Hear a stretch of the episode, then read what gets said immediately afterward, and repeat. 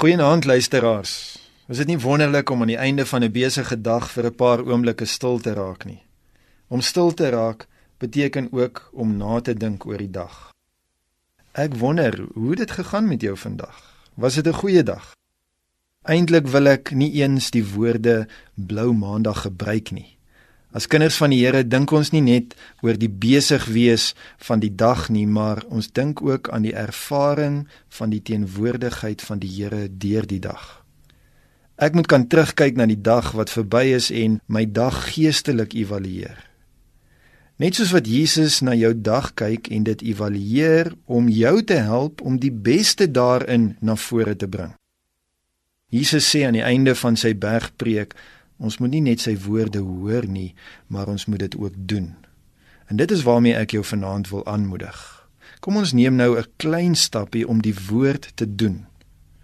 Galasiërs 6 vers 2 sê: Dra mekaar se laste en gee op die manier uitvoering aan die wet van Christus. Dink bietjie vir 'n oomblik terug aan almal met wie jy vandag kontak gehad het. Men wie was dit vir jou duidelik dat hy of sy besig is om 'n swaar las te dra? Die eerste persoon aan wie jy kan dink. Ek wil jou help om nie net die woord te hoor nie, maar ook te doen. Dra hierdie persoon se las deur nou saam met my vir hom of haar te bid.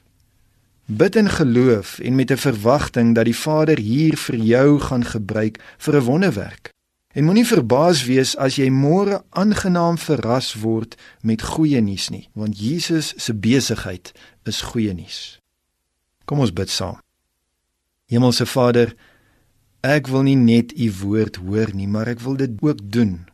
En daarom dra ek volgens die voorbeeld van Jesus hierdie swaar las van die persoon wat ek vandag mee gepraat het. Ek bring hierdie las na u toe want ek kan dit nie alleen dra nie en ek vra dat u Heilige Gees die omstandighede rondom hierdie las op 'n kragtige wyse sal omkeer. Amen.